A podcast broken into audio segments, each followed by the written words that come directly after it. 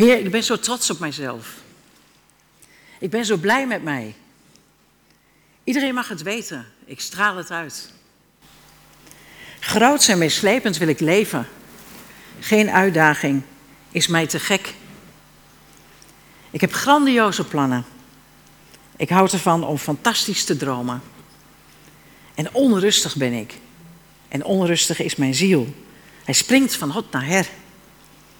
Als een terrible two peuter eis ik, schreeuw ik, wil ik, verlang ik en wil ik niet. Ik manipuleer om mijn zin te krijgen. Mensen, maak je grote zorgen. Er is geen hoop meer. De hele wereld gaat, en dat zie je toch, naar de galamiezen. Ren, ren voor je leven. Zonder hoop. Voor eeuwig en eeuwig. En eigenlijk is dat wat ik om me heen zie als ik vandaag de dag naar de wereld kijk. Naar mezelf, naar de mensen om me heen, in het nieuws, wat ik lang niet altijd meer kijk, omdat ik er verschrikkelijk droevig van word. Maar dat is wat we zien. Mensen zo vol van zichzelf en zo druk. Ik had een prachtig liedje daarover, maar er zaten wat woorden in waarvan ik dacht, ja, die krijg ik nooit op tijd weggestuft. En de jongeren onder ons kunnen dat prima handelen, maar de ouderen onder ons misschien net weer niet. Maar ik dacht wel van, dat is het wel. Die onrust, het weten dat je in die onrust zit en eigenlijk niet tot rust kan komen. En dan is dit de eerste advent. Nou, de meeste mensen beginnen eigenlijk al voor de eerste advent, zo rond Sinterklaas, de eerste echte stress te voelen. Over cadeautjes, pakjes, mensen wel vergeten, niet vergeten, kerstkaarten wel doen, niet doen, digitaal doen. We worden overspoeld met zachte, softe kerstfilms waar we lekker bij kunnen zwijmelen, terwijl ondertussen de hele wereld in brand staat, alles, alles misgaat om ons heen. En je weet op een gegeven moment bijna niet meer wat je nu moet doen, wel mag doen, niet mag doen. En hebben we het nog niet eens over de financiële stress die dit ook geeft, deze periode. Van mensen die elkaar willen, wel heel graag cadeautjes zouden willen geven, maar het niet kunnen betalen. Hun kinderen wel heel graag wat zouden willen geven, maar het niet hebben. Kortom, uh, ik vind dit actielied, het is een omgekeerde psalm, het is de omgekeerde psalm 131, uh, eigenlijk wel passend voor deze wereld. En daar hoef ik heel veel niet uit te leggen, hè? dan kan ik het gewoon zo doen. Dus mag ik nu dit, uh, andere, die andere sheet? Is die een beetje leesbaar of niet? Beetje klein, hè? Nou, rechts, rechts staat het actielied. Links staat de tekst die ik zo met jullie ga lezen. En de tweede is voor uh, de, de jongeren onder ons. Want in het Engels is hij nog mooier dan in het Nederlands, vind ik zelf. Maar ja. Ik ga met jullie lezen, Psalm 131. Heer, niet trots is mijn hart. En niet hoog, hoogmoedig mijn blik. Ik zoek niet wat te groot is. En voor mij te hoog gegrepen. Nee, ik ben stil geworden. Ik heb mijn ziel tot rust gebracht. Als een kind de borst ontwendt, stil op de arm van zijn moeder, zo is mijn ziel in mij. Israël, en ik denk dat we onszelf daaraan mogen koppelen, en de gemeente, hoop op de Heer, van nu aan tot een eeuwigheid.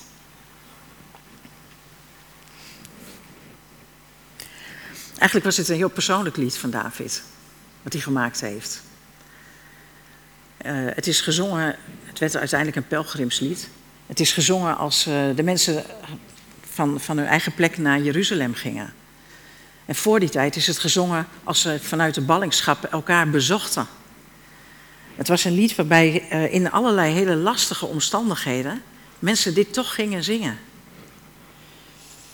Er zit iets van berusting in. En dat maakt het ook een beetje een lastige psalm voor heel veel mensen. Die denken, ja, als dit het dan is, moet je dan maar een beetje stil zijn. En een beetje stil, maar wacht maar.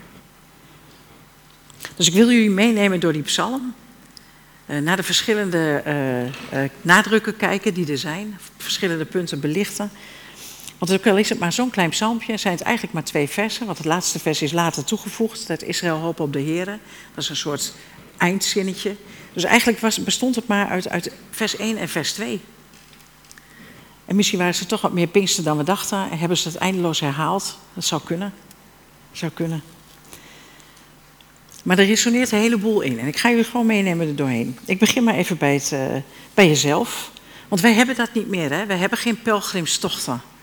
We hebben geen pelgrimstochten waarin we samen liederen zingen. We gaan het wel doen hier op het plein, begreep ik. Ik hoor dat er heel veel gezongen gaat worden hier in Friesland. Mooie stad. Um, maar hoe zit je er zelf eigenlijk bij? Als jij nu een lied zou gaan zingen, past dan het eerste actielied of zit je dan in Psalm 31, 131 in de rust? Want dat is eigenlijk wel het uitgangspunt, want het gaat over jou, hè? We mogen die psalm pakken, mogen het als brood, mogen we het eten, uh, zoals we straks ook het brood mogen eten en gedenken. Niet trots is mijn hart en niet hoogmoedig mijn blik. Dit is geschreven door David. Wat weten jullie van David eigenlijk? Roep eens. Het is een beetje koud, hè? Moet een beetje in beweging blijven. Wat weten wij van David? Een man naar Gods hart. En wat deed hij? Ah, het was een dikke boef. Een man naar Gods hart, maar wel een dikke boef. Want, want wat deed hij? Ja, hij ging vreemd, hij pleegde overspel, hij vermoordde.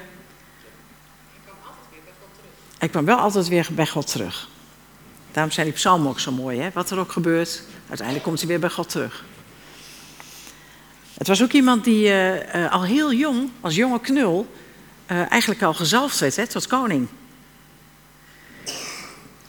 En die daarna tien jaar lang heeft moeten vluchten. Tien jaar lang met het hele koningschap, er werd niks van waar. De zittende koning, koning Saul, probeerde van alles te doen om hem naar het leven te staan en probeerde hem eigenlijk te vermoorden, zodat Saul langer koning kon blijven dan wel zijn zoon. Hè? Trouwens, de beste vriend van David. En David is niet trots. Maar hij had het wel kunnen zijn. En ken je dat? Dat je weet van die dingetjes die je hebt en waar je blij mee bent en dankbaar voor bent. Dat het een dun lijntje is nadat je er trots op wordt, dat je dat hebt. Gelukkig zijn hier heel veel nederige mensen, want die kijken me allemaal aan van waar, van waar heb jij dat over? Dan is het blijkbaar alleen slechts mijn probleem. Maar al die mooie dingen, die goede dingen die we gekregen hebben, uh, dat heeft Vonger met ons gelezen, die hebben we van God gekregen. Dus waar je ook goed in bent, wat je, waar je ook geweldig in bent en fantastisch, ik zou zeggen, ga verder met excelleren, zeker. En weet dat je dat van God gekregen hebt. Dan ga je ook niet naast, uh, naast je schoenen lopen. En David weet wat het is. Op een gegeven moment dan is hij zo blij, dan, is het, dan wordt de ark wordt binnengehaald en dan gaat hij in zijn onderbroek, voor zover dat hadden toen de tijd, gaat hij lopen dansen en springen en hij is blij en hij prijst God met het volk mee. En door het raam staat zijn vrouw te kijken en die denkt van, wat ben jij een ongelofelijke, nou ja, wat ze heeft, precies heeft gedacht, ja, ja, dat ja, wat jij daar zegt, ja. Um, en als hij dan thuis komt, eigenlijk nog helemaal blij, dan valt ze hem ook gelijk aan. Van nou, lekker is dat. Hè? Nou, dat was echt de, koning hoor. Echt uh, de koning uh, op en top, zoals je daar aan dansen was. En dan zegt hij, David dat al zo mooi van, nou joh, weet je, voor de Heer danste ik en ik zou me nog erger vernederen. Dan zou ik mezelf in mijn eigen ogen verlagen. Dan zou ik nog in aanzien staan bij God. Met andere woorden, het interesseert hem helemaal niks. Want de enige die hem interesseert is God. David is niet degene die een trots hart heeft. En zijn blik is ook niet hoogmoedig. Soms zie je dat, hè? je ziet het soms aan mensen hoe ze kijken. Net zo goed als de, we zeggen, de, de ogen zijn de spiegel van de ziel. Net zo goed als je het ook kan zien, dat mensen gewoon, dat ze niet lekker in hun vel zitten. Dat het niet goed met ze gaat. De, de, ogen zijn zo belangrijk. En daarom zegt hij ook van nou, niet hoogmoedig is mijn blik. Ik wil dat niet zijn. Hij weet, hij weet best wel hoe hij dat zou kunnen zijn. Het is, geen, het is niet een watje geweest. Uh, David beslist niet. Maar zijn blik is niet, uh, niet hoogmoedig. En dat wil hij vertellen aan de mensen. Van jongens, dit is eigenlijk het beste wat we zouden kunnen doen. Laten we niet hoogmoedig worden. Maar zijn wij dat dan als christenen? Zijn wij dan hoogmoedig soms? Ja, soms wel. Ja, want wij zijn toch veel beter, joh, dan de mensen die niet christen zijn. Kijk naar onze leefstijl, hoe geweldig wij dat doen. Hoe prachtig wij. Eh, nee. Het is maar goed om niet hoogmoedig te zijn. Om jezelf niet te verhogen, want dat is het, hè? Hoogmoed. De moed om hoog te staan. Er bovenuit willen stijgen. Hoge ogen willen gooien. En eigenlijk hebben we het dan over ego. En ego is een raar spul. Want elke mens, ik, ik merk dat als therapeut ook, elke mens wil zo graag gezien zijn. Ik wil zo graag gezien zijn. We willen graag staan en gezien zijn. iemand vertelde mij, ik zat in een zaal en iedereen ging staan en ging klappen. En ik dacht, nou weet je, ik doe niet mee met dit feestje. Laten ze maar met z'n allen hun dingetje doen. En zij bleef zitten. En werd daardoor meer gezien dan, wat, dan wie dan ook. Of iemand die zei, uh, een, uh, ik ben zijn naam even kwijt, dat is nou weer jammer. Uh, een van de intelligentsia die kerken is gaan bezoeken. Maar die zich eigenlijk schaamde voor zijn vrienden dat hij kerken bezocht. Dus die dacht, ik ga een beetje achterin zitten. Want het werd gefilmd. En hij dacht van ja, straks word ik gefilmd. En dan zien al mijn vrienden dat ik in een christelijke kerk ben geweest. Dat is natuurlijk ook wel heel erg. Hij is ook christen geworden overigens, dus dat is het leuke. Maar goed, hij was een beetje achterin gaan zitten, zodat hij niet gefilmd werd. En uiteindelijk was de dienst afgelopen. Toen dacht hij, ik, ik peer hem als eerste. En dat ving net de camera op. Die zoomde in op die persoon die daar als eerste vertrok. Dus ja, hij wilde wel graag gezien zijn door zijn vrienden, maar liever niet door de camera. Maar ja, hij werd toch gezien. En eigenlijk heeft je ego daar ook mee te maken. Je wil gezien zijn voor wat je hebt, voor wat je kan, voor wie je bent. En David zegt eigenlijk van, joh, laat het maar even zijn. Laat maar even zijn. Want wat we net hebben gelezen, wat Vonger al zei, het is niet van jouzelf, je hebt het gekregen. En joh, wat heb jij veel gekregen? Ik stel me dat soms zo voor dat, er zo'n, dat God naar je toe komt met zo'n enorme plaat vol met allemaal mooie dingen die je kunt. En de jongeren denken misschien competenties of weet ik veel hoe wij het ondertussen allemaal noemen. En wij noemen het misschien gaven en talenten. En God komt voor jou en die geeft dat aan jou. En jij mag daar gewoon vanaf pakken. Want het is voor jou, het is voor iedereen die hier zit. En hij zegt, pak maar, neem maar. Ga er maar mee aan de slag. Ga het doen. Doe er wat mee, doe er wat leuks mee. En dan mogen we dat oppakken, mogen we dat aanpakken. Niet omdat wij dan meer gaan risen en shinen, maar omdat hij meer gaat risen en shinen. Want daar gaat het eigenlijk om. Ik zoek niet wat te groot is voor mij. Ik zoek niet wat te hoog gegrepen is. Nou, hij weet waar hij het over heeft. Hij heeft zich zo vaak moeten bewijzen. Hij heeft, bosjes met, met voorhuiden moeten inleveren bij de koning. voordat hij zijn eerste vrouw mocht krijgen. Ja, daar gaat toch echt wel een verhaaltje aan vooraf, heren, dames. Daar zag hij niet tegenop. Hij heeft duizenden, tienduizenden verslagen. Hij heeft gevochten, hij heeft zichzelf bewezen, hij heeft gerend, hij is gevlucht met die club met outlaws tien jaar lang. Stinkende mannen in een bos en door de bergen, stel ik mij daar ongeveer voor. Want ze hadden het niet leuk. Een beetje zoals de vluchtelingen nu, zeg maar. Tot en met in Nederland. Bedreigd met de dood. Uiteindelijk werd die koning, zat hij nog met uh, Mephibozet. Eigenlijk, het was niet echt een koningschap waarvan je kon zeggen van... nou weet je, dat is nou echt zo'n rise and shine koning. Hè? Dat gaat nou helemaal goed, die zetten we in vorsten. Nee, bepaald niet. En toch heeft hij al die tijd het geloof en het lef... dat God met hem meegaat. En zelfs als zijn zoon Absalom hem afzet, hè, die mooie Absalom, gebeurt soms ook in kerken, hè, dan komen er mooie, mooie mannen en mooie vrouwen met verhalen.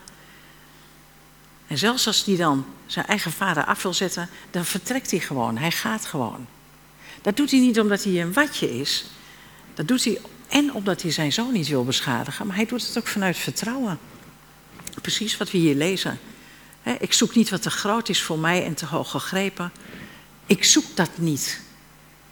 Nou, ik denk dat, laat ik het maar weer bij mezelf houden. Ik denk dat ik wel in de verdediging zou zijn gegaan. Om mezelf in ieder geval te, bewijzen of te verdedigen dat dit niet klopt, wat hier gebeurt.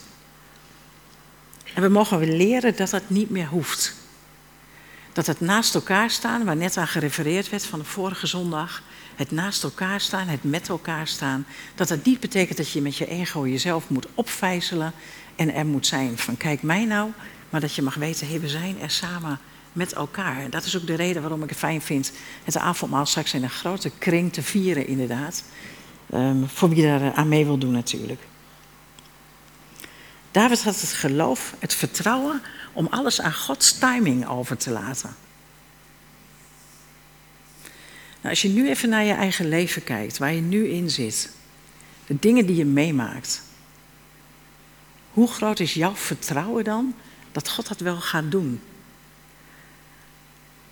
Of herken je dan ook dat ongeduld wat zit in dat andere vers? Van ja, maar ik wil groot zijn met slepend leven. Ik wil mooie dingen doen. En zelfs christenen, ik wil, ik wil wonderen en tekenen en ik wil dit en ik wil dat doen.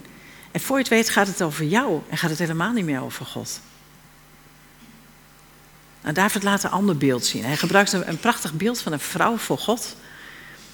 En hij zegt, eigenlijk is mijn ziel is tot rust gekomen. Dat klinkt heel passief, maar dat staat er niet. In het Hebreeuws staat er uh, hetzelfde woord als wat gebruikt wordt bij het uh, opvullen van alle gaten in de weg. Dus ik heb mijn ziel tot rust gebracht, was keihard werken. Dat gebeurt niet zomaar. Onze ziel laat zich niet zomaar tot rust brengen. Net zo goed, ik ben de mensen die je peutertjes hebben gehad. En als je het zelf nog bent, weet je dat ook. Dan ben je een stuiter, een stuiterbal. Onze ziel is vaak een stuiterbal. Die alle kanten op wil stuiteren. En David zegt, nee, ik heb mijn ziel tot rust gebracht. En dat is een proces. Dat is van onrust naar rust. Dat is hard werken. En alles wat hij gedaan heeft, alles wat hij uh, nagelaten heeft. Hij is er altijd terug meegegaan, precies wat jij zei, naar God. Omdat hij wist, daar kan ik die rust vinden. En wat is die rust dan? En dan wordt hier het beeld gebruikt. Uh, wij doen het anders in Nederland. We geven nog wel wat borstvoeding, maar zeker niet drie jaar. Maar in die tijd kregen, kregen kinderen drie jaar lang borstvoeding. En daarna was het afgelopen. En dat was voor een kind eigenlijk ook het moment van nu ga je een nieuwe fase in. Dus dat was natuurlijk wennen, hè? want je kon er niet meer nog eventjes uh, bijgevoed worden. Dat wou dat kind dan meestal wel. Uh, en dan krijg je een situatie waarin het kind genoegen neemt, blij is, genoegen neemt met het zijn bij die moeder. En alle moeders onder ons weten hoe het is, hoe het voelt dat het kind bij jou ligt en dat hij het goed heeft, dat het goed is. Er hoeft niets meer. Er hoeft niets meer. Jij hoeft niks meer. Er hoeft niet gevoed te worden, niet geschreeuwd, niet geëist, niets. Er is rust. Het is genieten. Want dat beeld gebruikt hij. Daar mogen wij komen. Het, het, het moment dat we gewoon er mogen zijn in alle rust bij God. En God die als een, we weten God de Vader, maar die ook die kant heeft van die vrouwelijke kant, van die moeder, die zo zorgzaam is voor ons, voor jou, voor mij. Dat beeld gaat bij mij niet meer van mijn netvlies nadat ik met deze psalm bezig ben geweest. Dat ik iedere keer denk, oh ja, daar mag ik zitten, daar mag ik zijn. En we zingen het wel eens, hè? Bij de vader op schoot. Daar mag ik zijn. En dan hoef ik dus niks meer. Dan hoef jij niks meer. Ja, maar het leven gaat wel door. Ja, het leven gaat wel door. Zeker. Er staat ook niet dat je niks meer moet doen. Hè? Er staat, ik zoek niet wat te groot is voor mij. Ik zoek niet wat te hoog gegrepen is. Maar wat is dat dan te hoog gegrepen? Ik moest denken aan het verhaal van David wanneer hij uh, Goliath te pakken wil nemen. Ik denk dat we het allemaal kennen. David ziet Goliath, hoort wat hij allemaal zegt over God. En denkt van nou, dit is te erg voor woorden. Deze man die, die, gaat eraan. Ja, het is een reus, maar God is uh, groter en God is sterker. En dan, en dan, gaat hij naar de koning toe en hij zegt, ik ga, hem te, ik ga hem te grazen nemen. Ik ga het doen. En Saul is dan al koning. En wat doet Saul dan? Niet allemaal tegelijk. Hij geeft, hij geeft zijn eigen harnas. Hè, Saul, grote kerel. Uh, David, jochie van 15 jaar, hè, lenig, uh, schaapherder, hè, dus uh, tanig kereltje waarschijnlijk. Dan geeft hij dat hele grote harnas geeft hij aan, aan David. Want hij denkt, wat die jongen wil, dit is hoger dan zijn voegen, zoals het in de oude vertaling staat. Dit is, dit is iets willen wat jij niet kan. Dit is precies wat hier nou staat. Iets willen wat, wat te hoog voor jou is. Dus hij geeft hem zijn harnas. Jo, weet je, dat doen wij ook. Dat doen we met jonge christenen. Die zijn net tot bekering gekomen en dan geven we ons hele hebben en houden. komen we de 300 boeken. Uh, dat doen we ook niet meer trouwens. Hè. Boeken zijn ook weer uit. Maar goed, uh, die zetten we allemaal daar in het kastje. Maar dan komen we met allemaal kennis en die willen we allemaal wel door dat net evangelisch bekeerde christentjes zo'n strotje duwen. Maar dat kan niet, want dat is juist hoger dan de voegen. Daar zit die ander niet op te wachten. Hoger dan de voegen betekent dat je heel goed moet uh, aanvoelen bij elkaar. Wat past bij jou, wat past bij mij? En David die doet dan nog trouwhartig, ik zie dat helemaal voor me, zo'n joch wat, dan, wat, trouwhartig dan dat enorme ding aantrekt. En dan ook letterlijk zegt, ja maar ik kan me niet meer bewegen. En zo gaan we soms ook met onze mensen in de kerk om. Dan willen we zoveel op ze plakken, dan kunnen ze niet meer bewegen. Want hij is nog niet verder dan zijn slingetje en zijn vijf steentjes, joh. Hij wil gewoon lekker met die vijf steentjes mogen slingeren. En dat gaat God zegenen. Gaat God dat harnas? Ja, die had ook dat harnas kunnen zegenen. Maar dit paste beter bij wie David was. En zo heb jij de dingen die beter bij jou passen. En dat is prima. En jij weet het ook wanneer je te hoog gaat. Hè? Als je net wat groter en meeslepender wil leven dan dat eigenlijk passend is, dan weet je dat zelf wel. Hoeft de ander jou niet te vertellen. En laten wij vooral uitkijken dat we elkaar niet dingen opleggen waar die ander helemaal niet op zit te wachten. Dus dit gaat twee kanten op. Hè? Dit is niet eenrichtingsverkeer. Dit gaat twee kanten op. Het is niet de uitnodiging om maar niks te doen. Hè, sommigen van ons komen uit uh, behoudende kerken. En, die, en dan heb je misschien het liedje wel geleerd. Stil maar, wacht maar. Want we doen niks. Nee, stil maar, wacht maar. Alles wordt nieuw. De hemel en de aarde. Als, als wij rusten, als wij wachten, wachten op God, dan is dat niet vanuit het we doen maar niks. Dan is dat vol verwachting dat er wat gaat gebeuren. Dat is Advent. Advent is vol verwachting uitzien naar de geboorte van Christus. Voor mij is Advent op dit moment uitzien naar de vrede van Jeruzalem. Naar hopen dat dat weer terugkomt. Dat God zijn uh, stil maar, wacht maar, alles wordt nieuw, zelf gaat realiseren. Want dat gaan wij als mensen ook niet kunnen.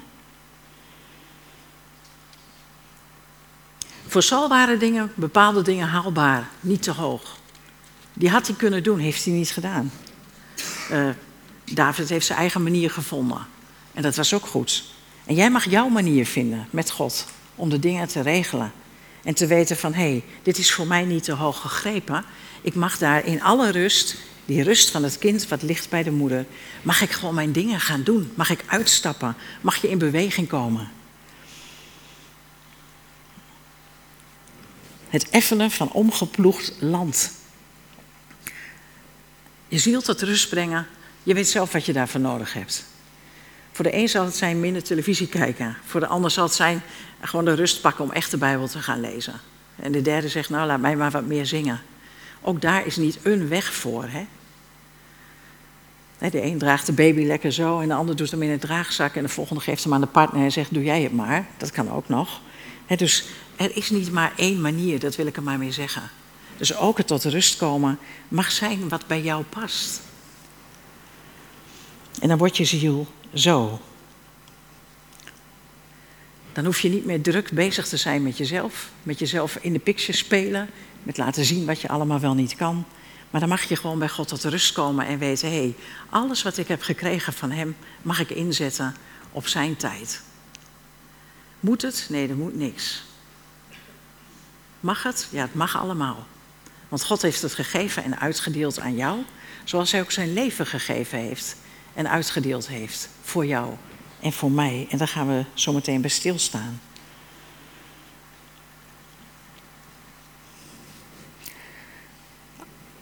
Het lied wat we net zongen, nou ben ik de tekst, ik heb hem niet meer helemaal letterlijk in het hoofd, maar dat weten jullie waarschijnlijk beter dan ik. Maar er werd gezongen, we hebben gezongen, als we God kennen, kennen we onszelf beter. Geloven wij dat ook echt dan? Want als we dat echt geloven, dan betekent het toch dat we tijd gaan besteden aan wie God dan is en wat hij dan voor ons wil. Als ik dat oprecht geloof, dan kan ik toch niet mijn dagen vullen. Ja, dat kan wel, maar met drie miljoen activiteiten zonder tijd te hebben voor Hem. Als jij een vriend of vriendin hebt en je zegt dat je wat hebt met elkaar en je bent nooit bij elkaar, dat is toch wel een beetje apart. Ik denk wel dat het heel snel uitgaat. Nou, God maakt het niet uit. Maar het is wel bijzonder hoe wij soms met God omgaan. dat we er zo gemakkelijk mee omgaan. Het vraagt van ons dus overgave. De verwachting dat het goed komt. En de wereld om ons heen roept, het komt niet meer goed. Hè? Heel veel mensen roepen, het komt niet meer goed. Iedereen maakt zich zorgen. En het is ook wel een beetje makkelijk om te denken, nou ja, na mij de zondvloed. Hè, misschien zitten we wel, worden we wel opgenomen en dan hebben we, het niet meer, hebben we het niet meer zo moeilijk. Maar we zitten er middenin. En wat doen wij dan in die situatie? Durven wij dan in die rust te blijven als het kind, gewoon bij God te blijven en te weten, hé, maar Hij zorgt voor jou. Hij zorgt voor mij. En daar zijn we veilig. En tegelijkertijd worden we uitgedaagd, want dat was ook voor dat kind zo. Nadat hij gespeend was, zo heet dat, hè. Nadat hij niet meer borstvoeding kreeg, dat was de volgende stap. Dan begon er een nieuwe fase van zijn leven. Dan mocht hij nieuwe dingen gaan doen. Dan mocht hij uitstappen op zijn driejarige leeftijd. Want ja, moeders gingen het niet meer allemaal voor hem doen. Maar joh, dat zijn wij toch ook? Wij mogen uitstappen, jongens. We mogen uitstappen vanuit de wetenschap dat we in de rust mogen zijn. Met alles wat God ons gegeven heeft. Zodat we die eersteling zijn. Wat voor net las. Hij heeft ons gered zodat wij eerstelingen zijn. Ja, daar lees je makkelijk overheen, maar de eerstelingen, dat waren de dingen die geofferd werden aan God. De eerstelingen van eh, het, het eerste wat van het land kwam, dat werd geofferd. De eerste zoon was aan God toegewijd. Dus als wij zeggen dat wij eerstelingen zijn, dan kunnen wij dus vol, volmondig zingen zometeen. Dat gaan we ook doen, als je dat wil, als je dat kan. Dan kunnen we volmondig zingen dat wij hier willen zijn als een levend offer. Hier zijn wij, een levend offer, Heer. Maar je kunt niet een offer zijn als je vol bent van jezelf. Dat werkt niet. Want dan gaat het allemaal om jou. Nee, hier zijn wij een levend offer, Heer. Want we zijn niet hoogmoedig, we zijn niet trots. We zoeken niet wat te groot is, maar we willen mee met uw flow vanuit die rust uitstappen. Met u. Ja, maar daar wordt je leven niet makkelijker van. Dat klopt. Dat klopt. Als jullie verwacht hadden dat dit een soort preekje is van nou joh, stil maar, wacht maar en kom tot rust. Dat is niet mijn bedoeling. Mijn bedoeling is dat we ons realiseren, hey, we mogen vanuit die rust, die onwereldse rust, ons leven gaan leven. In zo'n enorm vast godsvertrouwen, dat je daardoor durft uit te stappen. Dat je durft over te geven, dat je durft te hopen. En joh, in deze wereld is daar moed voor nodig, is daar lef voor nodig. En dan wordt het geëxtrapoleerd, wat hij vertelt over zichzelf. Trekt hij door naar Israël. Hij zegt: Israël, hoop op de Heer van nu aan tot een eeuwigheid.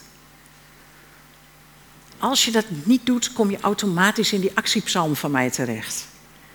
Want dan ga je je zorgen maken en dan moet je zelf wat doen. En dan moet je van alles en nog wat. En dan ga je rennen voor je leven. En dan ga je nog de dingen doen die je nu nog kan doen, want je bucketlist moet nog af. En dan is er geen hoop. We maken onlangs een aantal mensen mee die overlijden. En dan raakt het me verschrikkelijk als mensen geen hoop hebben. Hoe kaal het dan is en hoe koud dan zo'n afscheid is. Want dan is dit, dit is het dan. En dat zeggen mensen ook, hè? dit is het dan. Het is goed. Dan denk ik, dit is het, het is goed. Joh, we hebben een God van hoop. Die, die, wil ons, die wil ons alles geven. En wat gaan wij daarmee doen? Het is advent. Een nieuw kerkelijk jaar gaat van start. Uh, jullie maken mooie fase door, heb ik gezien. En het jaar dat gaan we samen in, jong en oud. En ik, ik geniet ervan van al die jongeren die hier zitten. Het is natuurlijk lastig om zo lang te luisteren, dat snap ik ook. Maar ze zijn er wel. En wat doen we met elkaar? Laten we elkaar de ruimte om in de rust van een jongen, of de jouw rust, of wil je de dingen opleggen aan de ander? Ik noem het voor mezelf ondertussen dus een harnasmomentje. Ik zie weer een harnasmomentje aankomen. En dan waarschuw ik mezelf maar weer. Van ja, krans, daar ga je weer. Laat die ander maar met zijn stenen. Komt hij misschien verder mee dan jij met je harnas. En dat is dan ook wel weer eens zo. Er is psalms van een gelouterd mens, hè, die rust gevonden heeft. En dat gun ik ons, dat gunt God ons, die rust. Uh, er zit ruimte in. Ruimte om je eigen positie in te nemen. Vanuit die rust. Je kunt ongelooflijk veel met God. Je kunt ongelooflijk veel met God. En je kunt ongelooflijk veel zonder God. Dus hier ga ik nog een keer zeggen. Je kunt ongelooflijk veel met God, maar je kunt ook ongelooflijk veel zonder God. He, Psalm 8, we zijn bijna goddelijk gemaakt. Wij kunnen heel veel op eigen kracht hoor. Maar er komt een moment, dan, gaat het, dan vallen we om. Dan worden we overspannen, of dan zegt ons lijf, um, ja, en waarom? Psalm 8 gaat het ook om de eer van God. Alleen we hebben het heel vaak over onszelf richting Psalm 8. Maar nee, het gaat eigenlijk erom dat we daarmee God mogen eren. Als je nog denkt dat jij met je ego er gaat komen, dan denk ik, ja, je komt een heel eind. Ik ben trainer-coach, ik geloof dat je een heel eind komt. Maar als ik mijn ego afzet tegenover de grootheid van God, en daar zijn we mee bezig, deze adventstijd, dan blijft er van mijn ego niet zo heel veel meer over. En dan mag ik het loslaten. Dan mag ik het loslaten. Eigenlijk is dit een psalm van lef. Het lef om los te laten. Het lef om rust te vinden. En je aan Gods zoon toe te vertrouwen. En weet je wat mij zo raakte uh, in de voorbereiding was dat ik dacht: hé, hey, eigenlijk heeft God de Vader zijn zoon, Christus, toevertrouwd aan een volledige, onbetrouwbare mensenmassa. Toch? Dus God besluit: ik vertrouw mijn zoon, mijn kind, toe aan onbetrouwbare mensen. Wat hebben wij nodig om ons toe te vertrouwen aan een volledig betrouwbare, compassievolle, liefdevolle God? Amen.